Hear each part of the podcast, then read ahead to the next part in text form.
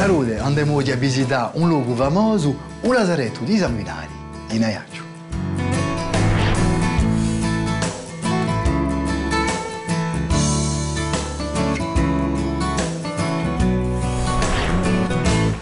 Che meraviglia quando mu via o attelo da Ajaccio per andare verso i sanguinari.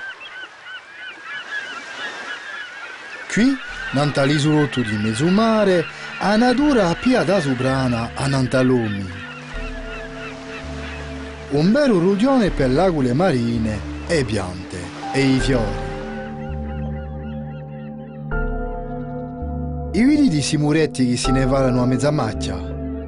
Qui sono i vestiti di un anziano monumento chiamato un lazzaretto.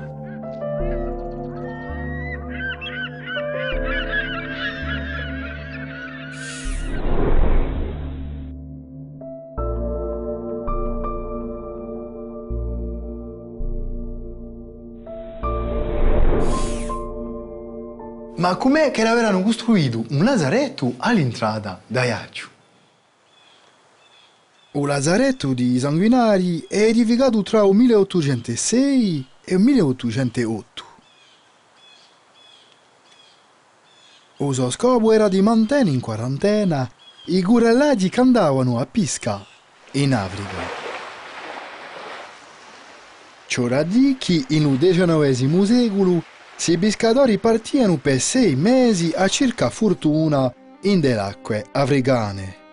Posto che in Corsica, Curalu non c'era quasi più chi l'avevano trapiscato.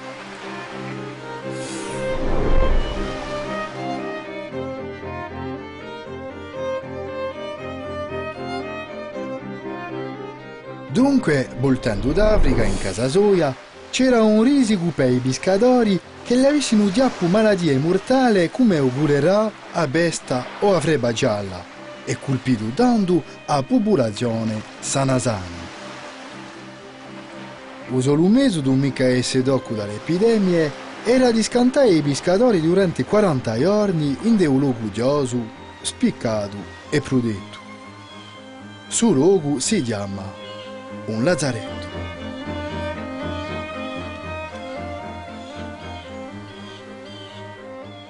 In un lazzaretto ci stanno i pescatori, quelle barche, ma di noi un dottore, un infermiero e otto guardie.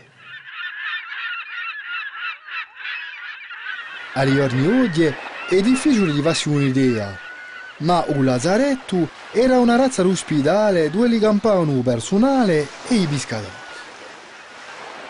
Figurema un lazzaretto come l'era previsto.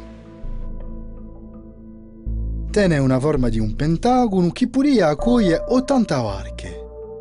Letti un cinera che i pescatori dormivano nelle sue varche stesse. Era anche prevista una rampa maiò per far culare e fare le varche chiamate i guralini, da un mare fino al bastimento. Ma voltiamoci un po' in daredo. Com'è che era così importante da andare a pescare Uguralu? Da poi l'antichità, Uguralu è famoso per la sua bellezza e le sue virtù magiche. Era dunque una roba ricercata assai e prezzata. Nel 1764 in Ajaccio più di 600 persone campano per via di un commercio di Uguralu. Ma dopo raccolte troppo numerose, Uguralu in Corsica diventa scarso. Da poi secoli e secoli, Uguralu è apprezzato da tutti, in Corsica e in Mediterraneo.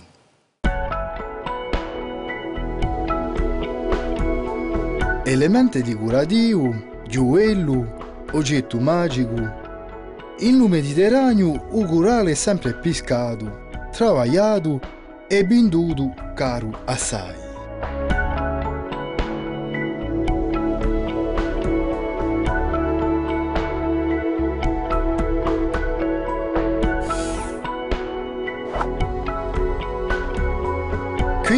A casa di Uguralu, in Ajaccio, si vede un'artigiana che scalpini di Uguralu siccato per farne un gioiello.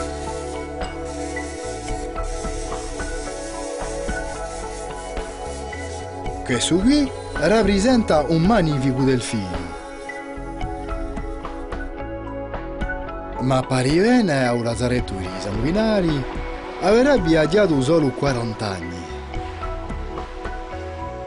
Più vicino a Ajaccio, un lazzaretto d'aspetto riceverà i malati dal 1837 fino al 1916. Cioradichi da Boilani 2000, il lazzaretto d'aspetto è diventato un luogo assegnalato di cultura.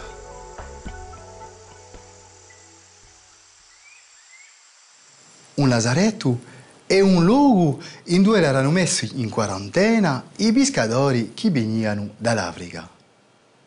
I pescatori di Guralu sono chiamati i Guraladi. Il Guralu non è né pianta, né fiore, né pietra. È fatto da animali giochi. A presto.